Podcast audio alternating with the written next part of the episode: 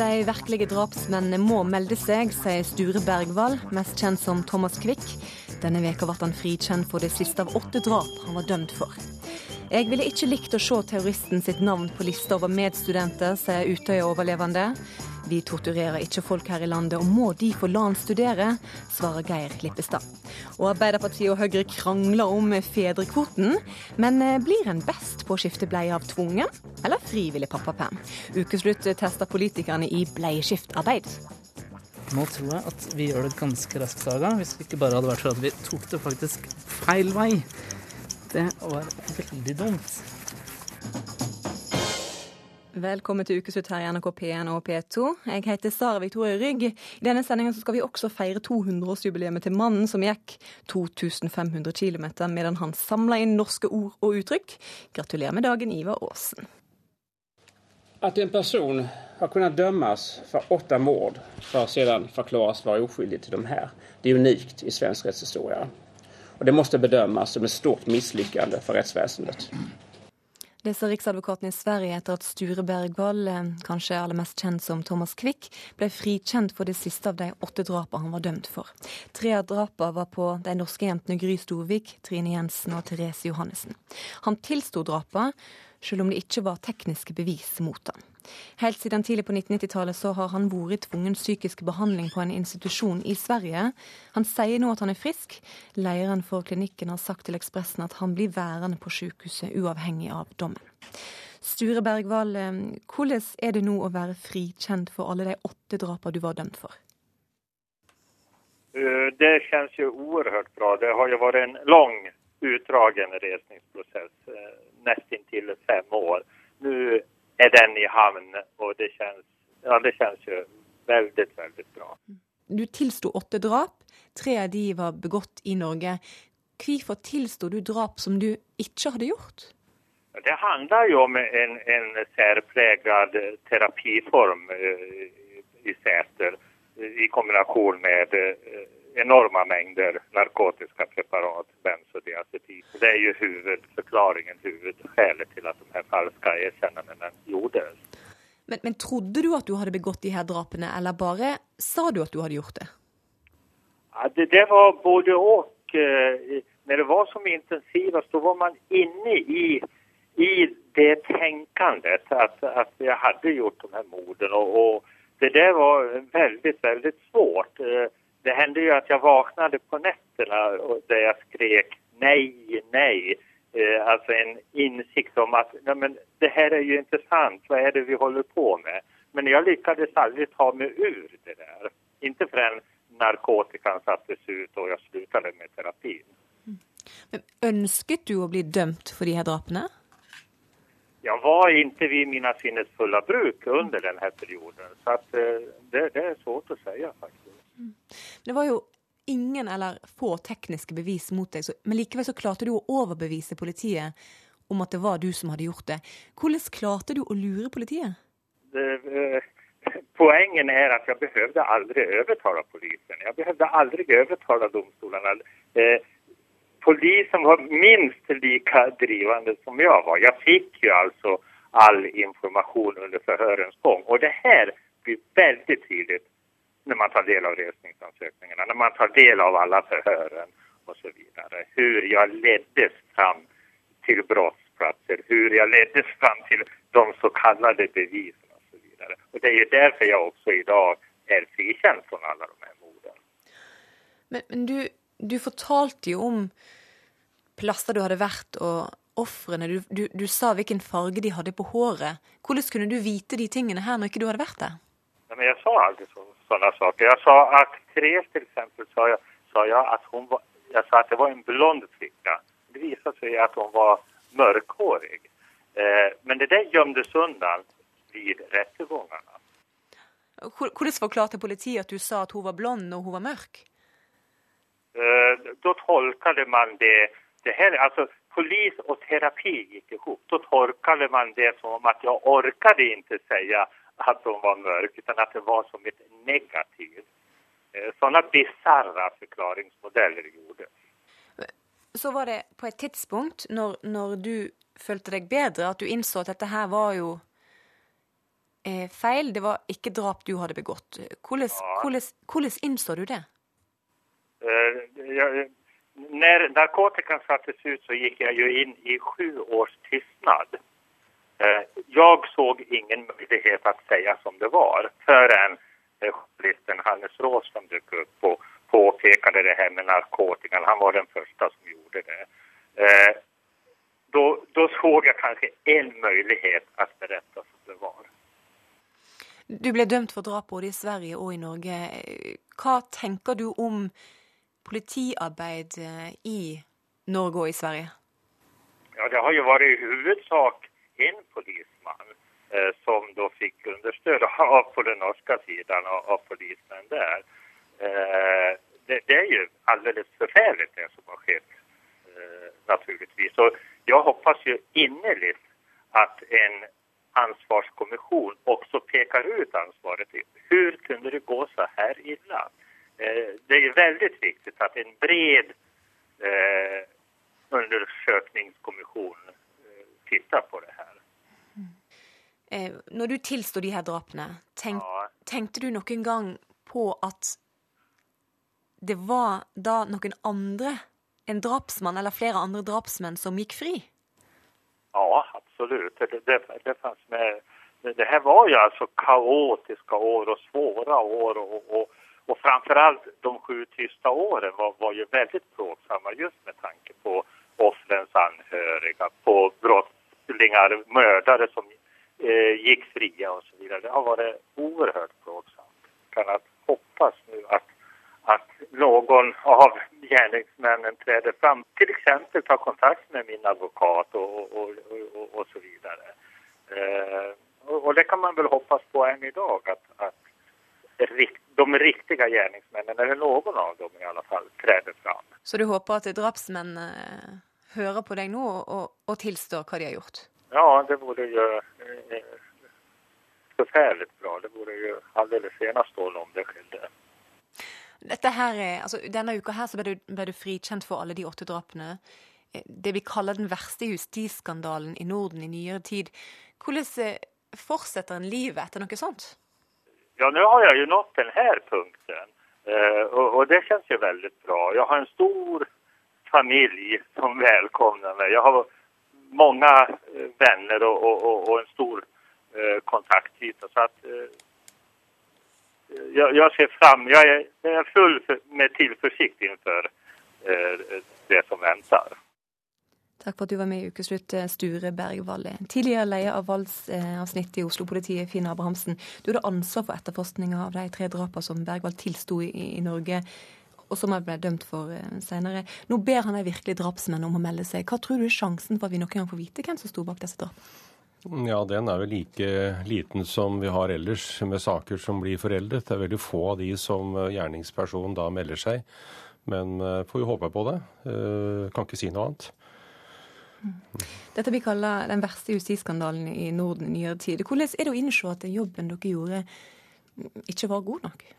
Nei, altså dette er, og dette er jo det vi har eh, tenkt på da, de siste årene, selvfølgelig. Og eh, det som er aller verst, det er overgått med årene. Og eh, vi må jo nødt til å si at vi må jo beklage. og nærmest be om unnskyldning for at disse menneskene, altså pårørende, har vært utsatt for det som eh, har skjedd eh, mot dem, da. Med at man eh, har dømt altså da en feil person. Og mye av dette skyldes eh, flere faktorer, selvfølgelig. Så det er jo ikke, er ikke én faktor alene her.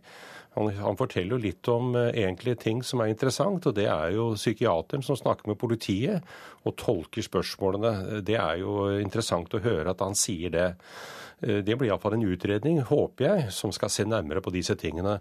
Det aller mest interessante det er hvordan dette startet. Altså hvordan startet egentlig dette her i sin tid? Og hvordan forløp det seg? For det utviklet seg jo gradvis fremover. Eh, I Norge, når vi kom inn i denne saken fra Oslos side, så var det to uoppklarte saker som lå da og som hadde vært gjennom omfattende etterforskning eh, gjennom flere år, faktisk. Og som ikke hadde fått noen løsning. Det hadde vært inne mennesker som var mistenkt osv., men altså var ikke sterke nok beviser for at noen kunne bli felt på, på de to sakene. Når det gjelder eh, situasjonen da, så var det altså Man kom inn i en sak hvor man hevdet da at vedkommende hadde Han hadde jo selv sagt at han hadde begått de to drapene. Da hadde man altså allerede da flere uh, drapsdommer i Sverige, og ikke nok med det, men hadde også fått en drapssak som ble felt i Sverige. da, Denne tresaken var allerede domfelt når da Oslo-politiet kom inn i bildet og satte i gang dette arbeidet i 99. Mm. Men dere sa etterforskningen var litt som en slags å følge etter en bjellesau? Ja, altså jeg tror nok det at uh, det var ikke vanskelig for norsk politi å, å, følge kan vi si, den retorikken som uh, svensk politi de hadde da på en måte man må huske på at dette hadde vært igjennom omfattende etterforskning i Sverige. De sakene der borte. Den hadde vært også gjennom påtalesystemene, og domstolene dømte jo dette her etter hvert og, og, på en måte en form for garantist i, i, at dette hadde gått riktig for seg. For domstolen skal jo være en garanti for at uh, det som legges fram, men det forutsetter at det som legges fram er riktig. Så kan ikke domstolen tolke dette på en ordentlig måte. Og Det blir jo altså veldig interessant nå i. Jeg håper inderlig at myndighetene ser seg i stand til å iverksette noe.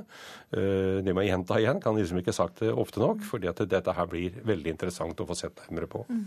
Uh, vi har vært i kontakt med, med Justisdepartementet, og de de vurderer jo òg eh, hva de gjør videre nå. Vi skal høre et lite klipp av hva Pål Lønseth, eh, statssekretær i Justisdepartementet, sier om saka. Det er naturligvis meget alvorlig at uh, en person som har blitt dømt for flere drap, da senere blir frifunnet for de samme drapene. Og Det er naturlig i den situasjonen at justismyndighetene evaluerer sitt arbeid med saken og har tillit til at de vil gjøre det. Og vi vil eh, ta initiativ overfor Riksadvokaten i neste uke til å drøfte hvordan en eh, slik evaluering best kan gjennomføres. Dersom justismyndighetene ser på denne saken og, og gransker den, hva tror du de finner ut av det? Jeg håper de setter ned et bredt utvalg som vi vil se på alle punktene. Og de må jo også ha et visst samarbeid med, med det svenske utvalget, for jeg tror de kommer til å gjøre det samme der. Eh, og Det er nettopp slike ting som er viktig for eh, kan vi si, den videre ferden eh, for politiet og påtalemyndighet og domstoler. At man lærer av tingene som, som uheldigvis har skjedd her. Nå har det jo skjedd veldig mange positive ting fra den tiden, altså etter dommen med Trine og, og Gry falt. Eh, både på avhørsfronten og ikke minst også på eh, den tekniske siden. Så det er altså større, mye større muligheter for å kunne forhindre det. Vi har fått mer kunnskap også om dette med, dette med seriedrapsmenn. Seriedrapsmenn opptrer jo ikke på en sånn måte her. Denne Greg, som fra USA, FBI, tidligere FBI-etterforsker, eh, var her og så på disse sakene. Han sa at dette er ikke mulig at vedkommende kunne ha gjort dette, disse tingene. Og da, da burde jo vi har hatt kunnskap om det, men vi hadde altså ikke fokus nok på akkurat den delen her i Norge. Mm. Og så er det òg dette her med, med, med, intervjuer av eh, Sture Bergwall. Dere las eh, intervjuer med han fra svensk side, men dere snakker aldri med han sjøl? Nå er det slik at uh, det er noen regler for det, og det er at uh, han ble avhørt i Sverige, han er altså ikke avhørt i Norge. Og når han blir avhørt i Sverige, så er det altså svensk politi i utgangspunktet som skal lede avhørene. Og da er det også en norske politimann sier jo det, at norsk politimann var til stede. Det var riktig, det var avgitt en norsk politimann som gikk inn i den svenske gruppen. Og eh, periodevis så var det fast også en påtalejurist som var i den gruppen der. Eh, og De rapporterte jo da videre til vi som satt i en ledelse, og eh, trodde jo da selvfølgelig at dette gikk riktig for seg, og, og sånn var det det foregikk. Du har sagt det at eh, du, du følte deg aldri 100% trygg på at dette her var riktig gjerningsmann. Når var det du begynte å tenke Nei, altså Jeg må si jeg reagerte på det når vi fikk vite at han hadde påberopt seg å ha drept afrikanere som viste seg å være i fullt live. Vi fikk jo også hans interesse for Marianne Rugås-saken i Risør. Og Den gikk vi gjennom sammen med Risør-politiet faktisk umiddelbart etter uh, Gry og Trine og fant ut at eh, det kunne altså ikke kobles på. Var, da ble han faktisk fornærmet, uh, Kvikk, den gangen.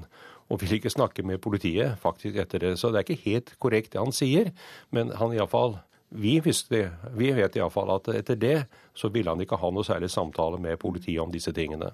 Når vi sa nei, at mm. dette kan ikke han ha gjort. Mm. Denne veka ble Sture Bergwall altså frikjent for alle de åtte, det siste av de åtte drapene han var dømt for. Hva er sjansen for at noe sånt kan skje igjen? Det der er jo helt unikt, så jeg, jeg, jeg, tror ikke at vi kan Vel, vel, vi kan jo ikke si aldri, men eh, det er jo lite sannsynlig at noe sånt vil skje igjen. Eh, Iallfall med de kunnskapene vi sitter inne med i dag. Eh, vi har kommet langt, langt stykke videre. Og kommunikasjon med også andre land er jo mye, mye større og mye bedre. Takk for at du kom til ukeslutt, Finn Abrahamsen. Du har eh, garantert sett han mange ganger, kanskje uten å tenke over det. Han står der rett bak politikeren som har vært intervjua på TV. Kanskje så har han veska hender i handa, og du kan se at han følger nøye med hva som blir sagt. Han har oversikt over alt, og han har makt. Mye makt. Denne veka starter valgkampen for fullt, og aldri før har politikerne hatt så mange, et så stort hoff med informasjonsfolk rundt seg. Ukeslutt sin reporter Kristine Amdam fikk bli med på valgkamp for å se hvor viktig de politiske rådgiverne faktisk er for politikerne. Jeg er partileder. Den er veldig lav. Du med, Erlend? De siste skruene bores på plass i NRKs valgstudio på Marienlyst. Det er ikke lenge før valgkampen braker løs for fullt, og Sosialistisk Venstrepartis politiske rådgivere prøvesitter stolene som partilederne skal sitte i. Det er liksom uh, hit, men ikke lenger. det største du skal gjøre som rådgiver, er liksom å Det er akkurat som du går inn på sjefen sitt kontor, og så varmer de stolen litt når han er vekke. Og så tenker du liksom, og så kommer han inn døren, og du bare Nei, nei, jeg skulle bare, skulle bare lete etter det. Jeg hadde ikke penn.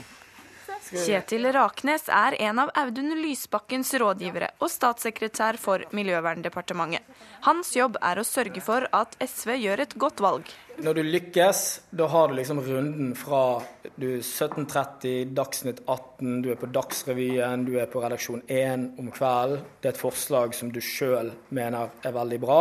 Viktigste er jo å sikre at de temaene som SV er opptatt av, kommer opp på dagsorden i valgkampen, og at SV er en del av de debattene og får være med å presentere sine synspunkter på en måte som gjør at vi får flere eh, velgere.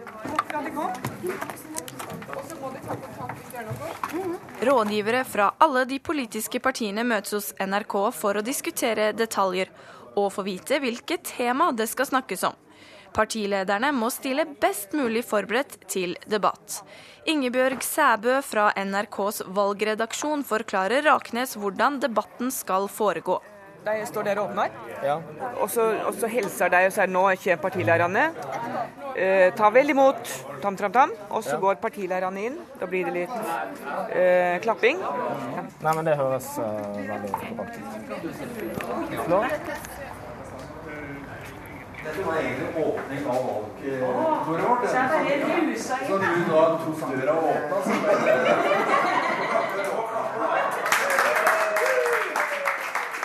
Midt i gågata i Skien sentrum åpnes valgkampen og Venstre i Telemark sitt splitter nye lokale. Lokalpolitikerne er stolt av å ha besøk av Trine Skei Grande.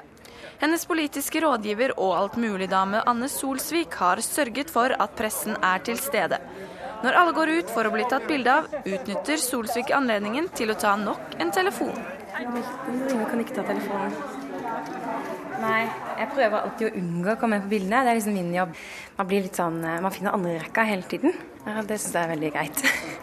Som venstrelederens høyre hånd er du på jobb stort sett hele tiden. Denne jobben er jo en jobb som varer fra du står opp til du legger deg, uavhengig av eh, når det er på døgnet. Sånn at du er jo alltid på jobb.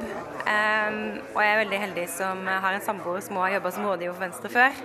Så han vet jo litt hvordan hverdagen er. Men eh, dagene flyter over hverandre sånn fra jobb og hjem, og så må du ta noen telefoner og svare på noen e-poster. og Neste post på programmet er besøk hos en lokal bedrift. Vanligvis sitter partilederen på med Solsvik, men i dag er Trine Skei Grande allerede på vei sammen med førstekandidaten i Telemark. Solsvik har hatt mye å tenke på gjennom dagen, og det er ikke alltid like lett å finne fram til dit du skal. Du tar sånn, Jeg får ikke noe tilbakemelding fra det. Nei, ingen svarte på knæra eller på eh, eller Torgeir? Det viktigste er å ikke ringe Trine. Ja. Det er liksom eh, jobb nummer én. Det er egentlig derfor jeg skulle vært der. Sånn at Hvis det hadde noen som hadde stått og lurt på hvor de var igjen, så skulle jeg ringt meg. Ja. Og så skulle jeg bare gått opp av møtet og tatt den telefonen. Anne skulle vært der, sånn at, eh, sånn at, sånn at jeg kunne funnet veien. Hvis Anne hadde vært der, så hadde vi funnet fram. For da kunne vi ringt Anne. Det ordner seg alltid til slutt, men hele tiden dukker det opp nye problemstillinger.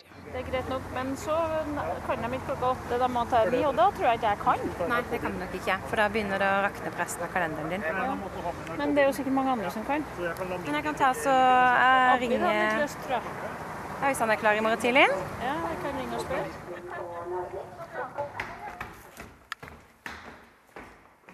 SVs Kjetil Raknes spretter opp trappene til kontoret sitt hos Miljøverndepartementet i Oslo sentrum. I jeans og hvit genser slenger han sekken på kontorpulten. Dokumenter og pappesker ligger slengt utover bord og kommoder. Her planlegges strategier for partiet. Jeg syns det er utrolig gøy å planlegge utspill, og så kommer det ut akkurat på den måten du hadde tenkt. Altså Du får akkurat de oppslagene du eh, ønsker deg, du får de debattene du ønsker deg, og de du jobber for, er fornøyd for det at det du sa skulle skje, det, det skjer. Det gir jo en sånn veldig sånn følelse av at du kan faktisk du kan påvirke fremtiden, eller at du kan liksom ja. Raknes har studert i Washington DC og har sett alle episoder av den amerikanske TV-serien West Wing, som handler om det som skjer rundt presidenten i Det hvite hus. Grunnen til at mange politiske rådgivere er veldig fascinert av West Wing, er jo at der, der fremstilles politikk som det eneste ærlige yrket i verden. Og Spesielt innenfor Det hvite hus. og Alle har, eh, alle har liksom grad for Harvard og er veldig vennligsinna. Og sånn. Og så utenfor Det hvite hus så finnes det masse onde journalister og onde republikanere som skal ødelegge liksom den her eh, idyllen. da. I West Wing og i den danske TV-serien Borgen kommer man tett på jobben som akkurat Raknes og Solsvik har. Jeg er med. Du er det første folketingsmedlem i vårt nye lille parti. Der blir rådgiverne beskrevet som spinndoktorer, de som selger sitt politiske partis budskap ut til mediene. Tidvis på en sleskete måte. Føler du deg som en spinndoktor? Jeg kan vel ikke svare nei på det.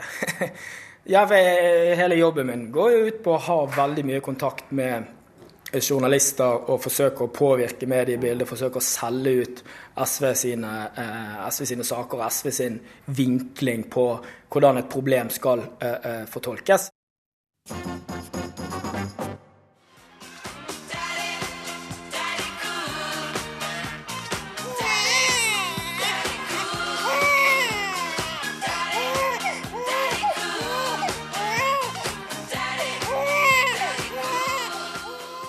Arbeiderpartiet og Høyre krangler om fedrekvoten. Arbeiderpartiet vil at ordninga skal være som i dag, 14 uker, som er øremerka far. Medan Høyre de vil at familien skal velge sjøl. Nikolai Astrup, stortingsrepresentant for Høyre. Hvem er det du har med deg her i dag? I dag har jeg med meg Eivind. Han er eh, mitt barn nummer to og er fire måneder gammel. Du har òg med deg en liten gjest, stortingsrepresentant for Arbeiderpartiet, Truls Wickholm. Det har jeg. Det er Saga som er med meg i dag. Hun er faktisk ett år i dag, og hun er også mitt første barn, da. Hipp hipp hurra for Saga, sier vi da. Velkommen til Ukeslutt, alle sammen. Tusen takk. Nikolai Astrup, hvorfor vil Høyre at det skal være opp til familien å bestemme hvordan de skal fordele permisjonen? Ja, vi har tillit til at familiene selv kan finne ut av hvordan de skal fordele permisjonen. Og vi tror at i 2013 så vil far være hjemme sammen med sine barn og ta sin del av eh, omsorgsrollen. Samtidig så vet vi at eh, det er ikke alle som får til å ta ut hele kvoten. Og da går det på bekostning av barna eh, hvis eh, man ikke får til det, for da bortfaller den delen av kvoten. Truls Wickholm, hvorfor vil dere at det skal være øremerka far? Det er rett og slett fordi vi har sett at det fungerer, og det har ført til at norske fedre har tatt ut mye permisjon. Det jeg ikke helt får til å rime med eh, Høyre, det er jo at jeg tror jo eh, Nikolai og Høyre på at de vil at far skal være hjemme. Eh, poenget er bare at vi har sett fra f.eks. Danmark at eh, når de valgte å bruke Høyres løsning der, så har andelen fedre som har valgt å være hjemme med barna sine, eh, gått ned. Sånn at hvis vi er enige om at det er et mål at far skal være hjemme, og at det er bra både for barn og likestilling, så tror jeg det er veldig lurt at vi beholder fedrekvoten. Dere, dere er jo enige, dere er uenige i hvordan en skal fordele dette. her. Dere er enige i at det er bra at pappa har perm, det er bra at pappa er hjemme sammen med, med barna sine. Vi vet ikke hva en blir best pappa av, enten av øremerka permisjon eller frivillig permisjon. Men vi har testa dere litt på viktige oppgaver som pappa må gjøre når han er hjemme i pappapermisjon, nemlig skifte bleie. Vi ba dere skifte raskest mulig, og vi skal høre hvordan det gikk. Jeg har lært på sånn pappablogger at det fins noe som heter topilsgrepet. Og det er nemlig at man holder beina sånn. Det er liksom den faste, den er inne i kjøleskapet. Den kan man også gjøre på babyer. Så det er sånne ting som man kan gjøre når man er pappa. Utfordringen blir her å skifte bleia raskest mulig. Og da setter vi i gang fra nå. Saga spiste leverpostei til lunsj, og det lukter litt her. Nå tror jeg at vi gjør det ganske raskt, Saga, hvis det ikke bare hadde vært for at vi tok det faktisk feil vei. Det var veldig, veldig dumt. Det var ikke din skyld, altså, Saga. Det var mest pappa sin skyld at den først ble satt på feil vei. Der! Og der. Nå skifter vi bleie på Eivind, som er fire måneder. Og veldig snill. Og da sier vi klar, ferdig, gå. Sånn. Ikke noe bæsj, nei. Jeg driver ikke med sånt. Legg merke til at denne er montert riktig vei.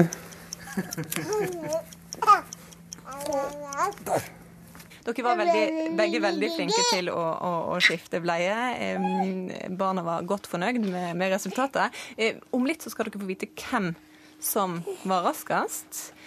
Truls eh, Wickholm, hva frykter Arbeiderpartiet vil skje dersom Høyre får eh, viljen sin? Nei, Det vi er redd for, er jo at eh, færre fedre skal velge å, ta ut eh, permisjon. og eh, Det er jo noe som flere enn Arbeiderpartiet er bekymra for. F.eks. Kristin Skogen Lund, som er direktør i NHO. Hun har sagt at dette er negativt for familier, for likestilling og for arbeidslivet. Eh, Og da kunne jo håpe at eh, som vanlig Høyre ville hørt på NHO også i, i denne saken, men de har tydeligvis bestemt seg for å gå eh, andre, andre veier. Ja, Nikolai Astrup, hvorfor hørte du på både Saga og Truls her og, og, og eh, beholder ordninga sånn som den er? Den funker jo. Vel, eh, Ja, Saga var veldig skeptisk. Eh, vel, det er jo slik at eh, det som passer for noen, ikke passer for andre. Og vi tror at det er behov for å ha litt fleksibilitet. Vi tror også at eh, norske menn i 2013 ikke trenger å tvinges til å være hjemme med sine barn og ta sin del av ansvaret. Samtidig så vet vi at eh, enten det er kvinner eller menn, så er det f.eks. selvstendig næringsdrivende, folk som jobber i veldig små bedrifter, to-tre mennesker ansatte, eller som driver enkeltmannsforetak, de har problemer med å ta kvoten sin på 14 uker. Enten det er mødrekvoten på 14 uker eller fedrekvoten på 14 uker.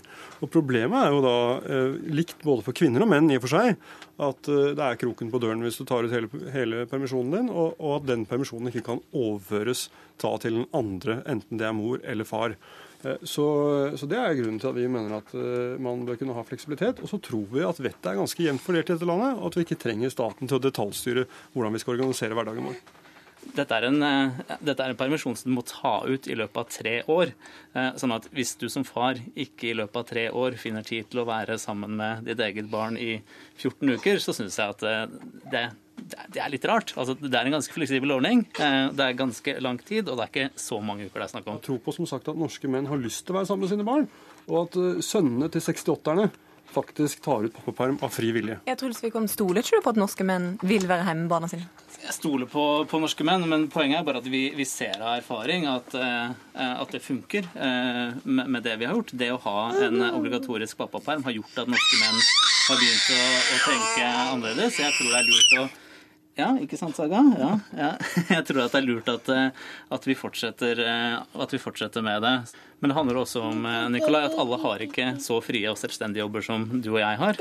F.eks. Kan det være godt for noen å ha det å kunne gå til arbeidsgiveren sin og si at jeg må faktisk ta ut denne permisjonen. Og for mange kan det være det liksom, den ryggraden skal til, at man får til å ta ut fedrepermisjon. Jeg tror at det er også noe av det som gjør at vi lykkes her i Norge med det. Jeg mener det er veldig enkelt for stortingsrepresentanter som har varamenn, å sitte her og diskutere at folk skal ta sine 14 uker. Hverdagen er annerledes der ute.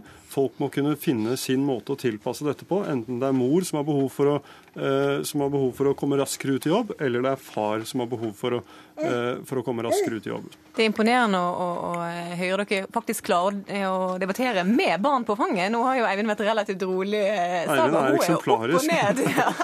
Men Saga virker jo som hun ikke er helt enig med sin far alltid. Dagens kvinner og unge jenter de er veldig aktive og uttalte, så det er Saga et godt eksempel på her. Det kjenner jeg til, for jeg har en datter hjemme, og hun ville nok uh, saga en høy gang her i aktivitet. Så. Vi tok en liten test på dere for å se hvem det var som var den beste bleieskifteren. Om en blir best bleieskifter av å ha øremerka permisjon eller frivillig permisjon. Er dere spent? Vi er veldig spent. Dere har vel skifta en god del tusen bleier i løpet av eh, tida deres. Eh, Truls, du eh, skifta bleie på Saga på 28,8 sekunder. Altså, synes du at jeg først satte den på feil vei, og så satte den på riktig vei, så er jeg ganske fornøyd med tida. Og du var veldig ærlig. Det er plusspoeng. Nikolai, du var heldigere med plasseringer på bleia. Ikke heldigere. Du var veldig Og du klarte det på 22,2 sekunder. Der kan du se.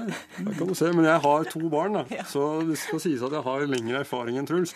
Men Truls, det kommer seg med tiden. Men altså, jeg må bare si at hvis det er mulig å dele de 28 sekundene på to, så betyr jo det at jeg skifter bleie på 14 sekunder, egentlig. Så Det var veldig imponerende med begge to. Tusen takk, dere er utrolig spott. Takk for at dere ble med her. Og så må du ha lykke til med den siste dagen din i permisjon, Truls Wickholm. Og fortsatt lykke til med bursdagsfeiringa. Og, og Nikolai Astrup, du får kose deg med permisjon når du skal ut i det på nyåret. Takk det blir moro. Det er ukeslutt i NRK P1 og P2 du lytter til, og om litt så får du høre at så lenge Anders Behring Breivik er i live, så må vi forholde oss til han. Vi kan ikke kaste nøkkelen og glemme han på cella, sier Geir Lippestad. Mener det er tortur å nekte klienten å studere. Og Norway Cup går mot slutten, og det gjør også flere av de korte og heftige cupflørtene. Jeg vet at det ikke kommer til å vare så lenge. Fordi man bare møtes her, og så bor man gjerne langt unna hverandre. Gratulerer med dagen, Ivar Aasen, nynorskens far. På mandag så er det 200 år siden dikteren ble født. Mannen gikk 2500 km og henta inn norske ord og uttrykk som senere ble samla i Nynorsk ordbok, eller Spynorsk ordbok, eller Fynorsk ordbok. Kjært barn har mange navn. Ukeslutt sin reporter Aksel Wilhelm Due han har møtt tre Ivar Aasen-entusiaster, og en av dem heter Ja, jeg heter Ivar Aasen. Når er det du er født? I 1925. Hvis du søker opp navnet Ivar Aasen i telefonkatalogen, så kommer denne mannen først opp. Ja, nei, jeg kommer fra Inderøy kommune i Nord-Trøndelag. Og det er ikke bare navnet som knytter Ivar Aasen til nynorskens far. Det skal vi komme tilbake til, men først Så hvordan kom det seg at du fikk navnet Ivar Aasen? ja, den tida var jo brukelig å kalle opp uh, slektningene. Og da det ble gutt, da ble det jo far som skulle kalles opp, og han het Ingebrigt. Og så ble det Ivar. I oppveksten til Ivar Aasen på Inderøya i Nord-Trøndelag var nynorsk hovedmål. Vi hadde jo ABC-boka, f.eks. Den var jo på nynorsk, så vi lærte jo ifra grunn. Ivar Aasen omfavna nynorsken og gjorde det skarpt. Men en dag på vei til skolen så fikk han oppleve baksiden av Ivar Aasen-medaljen. Og når vi kom hjem fra skolen, så var jo ofte de møtt fram og spurte om jeg hadde dikta noe mye. Så ble jeg lei av det, og så var det en dag de kom og spurte meg om jeg hadde dikta noe mye. Så sa jeg ja, i dag har jeg dikta mye. Jeg har ryggsekken full til dikt, Så. Og siden har jeg ikke hørt noe mer om det. Mellom bakker og berg ut med havet hever nordmannen fenge sin heim.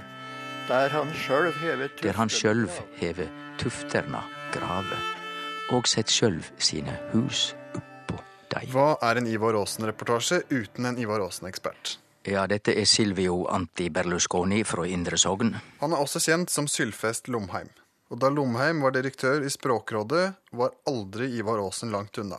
Å ja, da de sju åra jeg var språkdirektør, så så flytta jeg ikke bildet av Ivar Aasen. Han rekna jeg som en husgud, og han hang rett bak meg på veggen.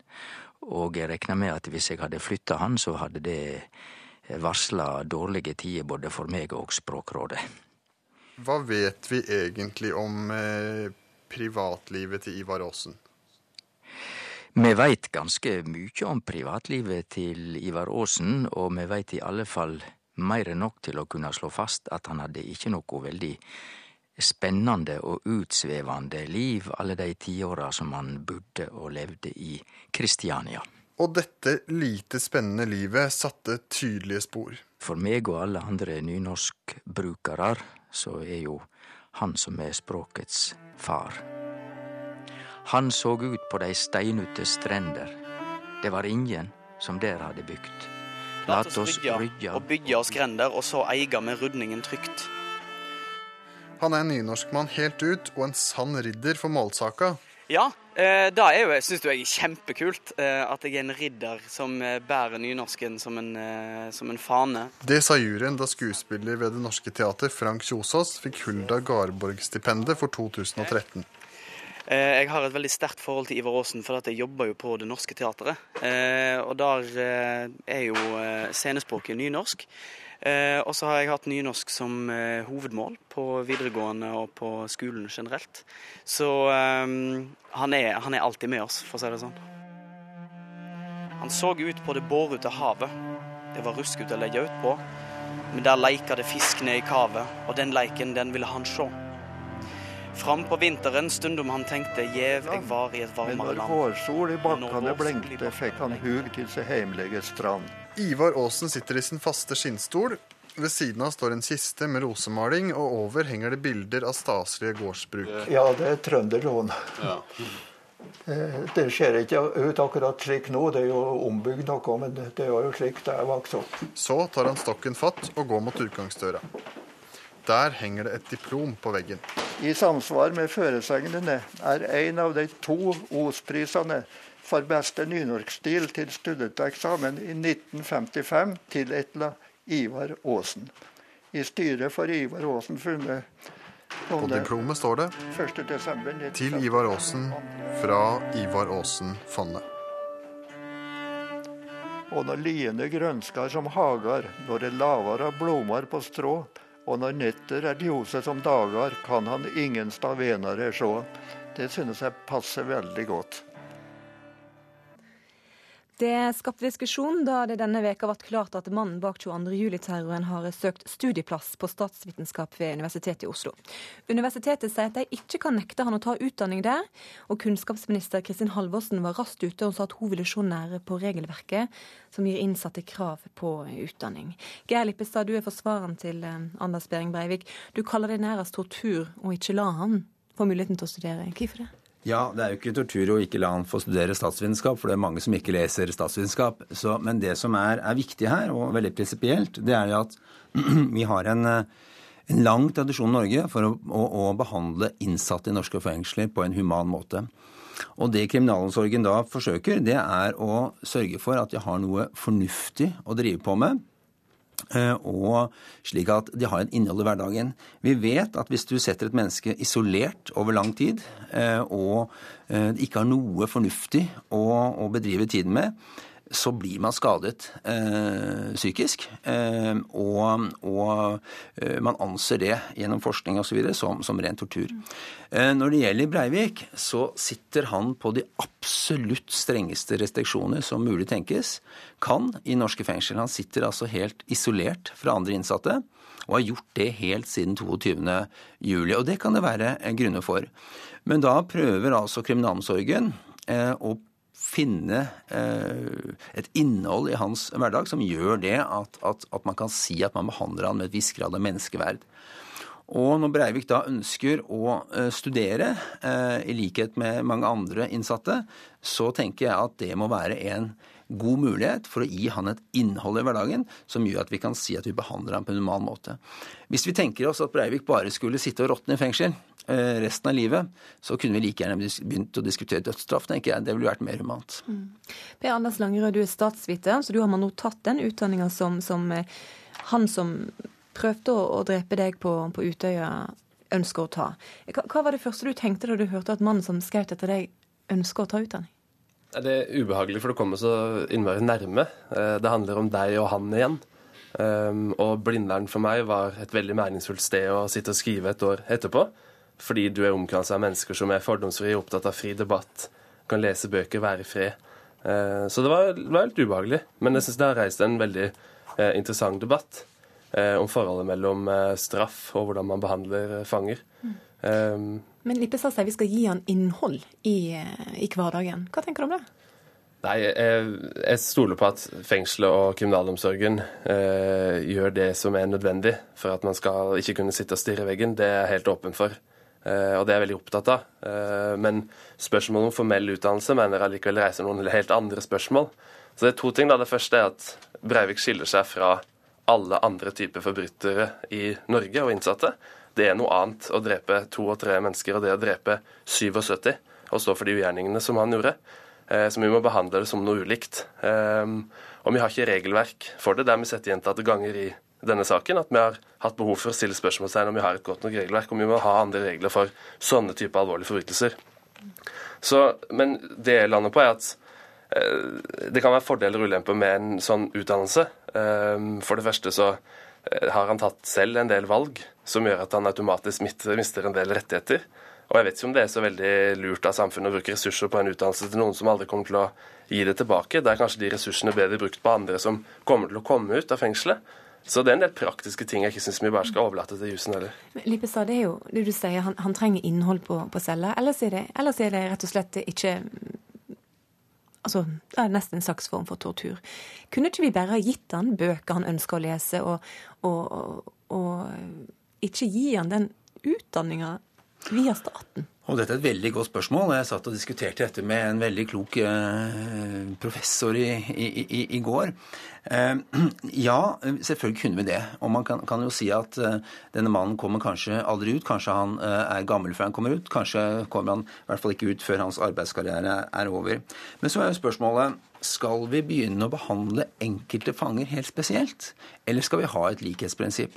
Um, og, og, og, vi kan komme opp i ganske vanskelige prosesser hvis vi begynner å behandle fanger forskjellig. Det er mange fanger, mange innsatte i norske fengsler som har gjort forferdelige ting. Drept uh, barn uh, og, og, gjort grusomme ting. Um, de uh, får et tilbud. Um, skal Breivik nektes tilbud pga. antall uh, ofre? Er det pga. hans politiske, fascistiske holdninger?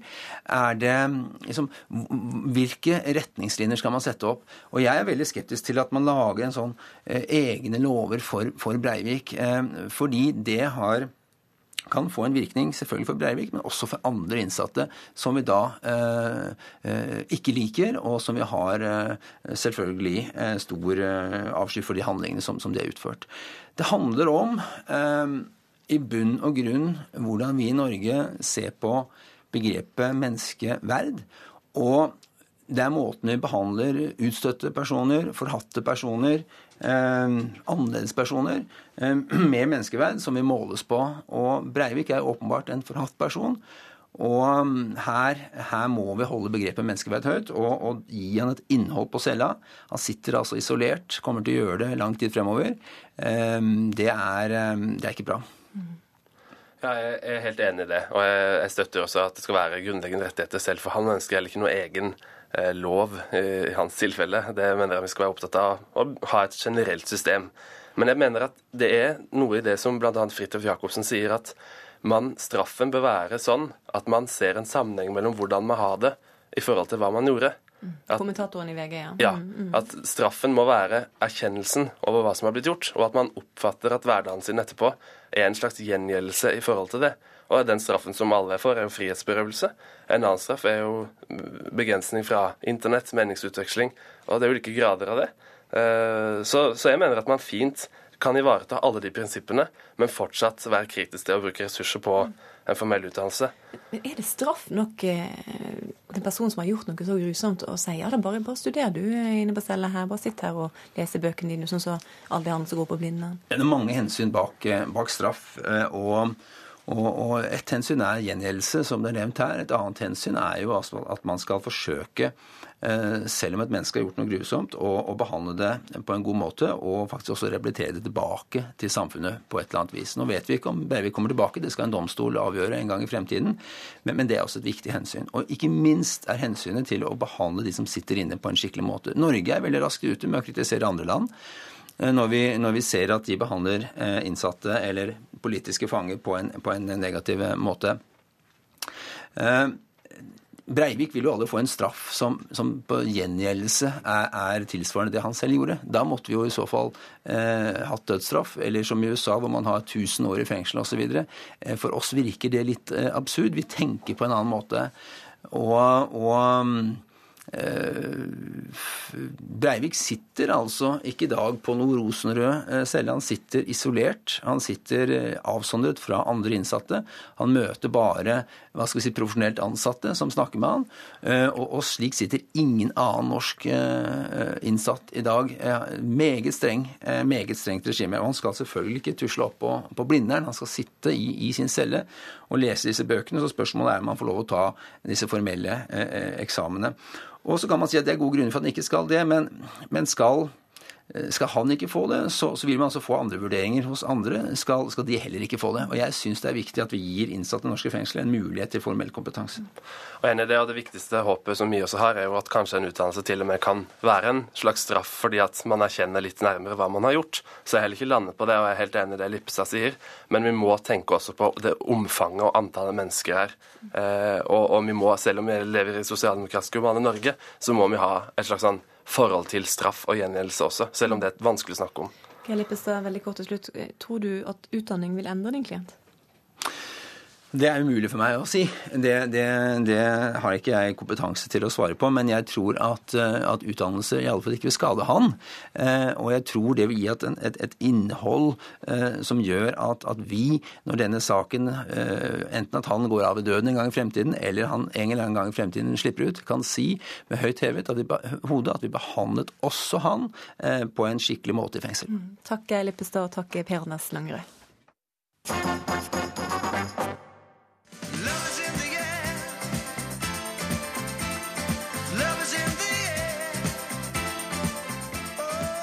Ja da, for kjærleken kjærligheten den henger tungt over Norway Cup-sletta på denne siste og regnfulle dagen. For det er ikke bare fotball som har vært i fokus denne veka. Mange bruker også tida flittig til å skaffe seg en cupflørt. I dag må mange ta farvel med den nye kjæresten sin. Vår reporter TNS Rabe dro opp på sletta for å føle litt på kjærligheten. Men, hva, hvor mye er det man sjekker opp og sånn her på Norway Cup? Er det mye? Det er en del. Ja. Det er alle du møter, blir på en måte litt sånn sjekka opp. Og... Gjør man? Ja. ja. Har du fått noen meldinger fra noen gutter og sånn? Det er en del som har ringt meg. Hvor gamle må gutter være for å Må de være eldre enn dere? Er det det som er saken? Eh, samme alder og eldre. Hvorfor ikke yngre gutter? Jeg vil ha en eldre siden de er litt mer modne. Jeg trenger ikke å finne noen på Norway Cup. Jeg vet at det ikke kommer til å vare så lenge. Det pleier ikke å vare lenge. Gjør det ikke? Hvorfor ikke? Fordi man bare møtes her, og så bor man gjerne langt unna hverandre. Hei. Unnskyld.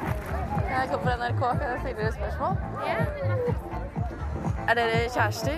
Uh, nei. Nei. Vi er kjærester. Vi er kjærester. Hvorfor dere sto her midt på Norway Cup og så og klemte så veldig?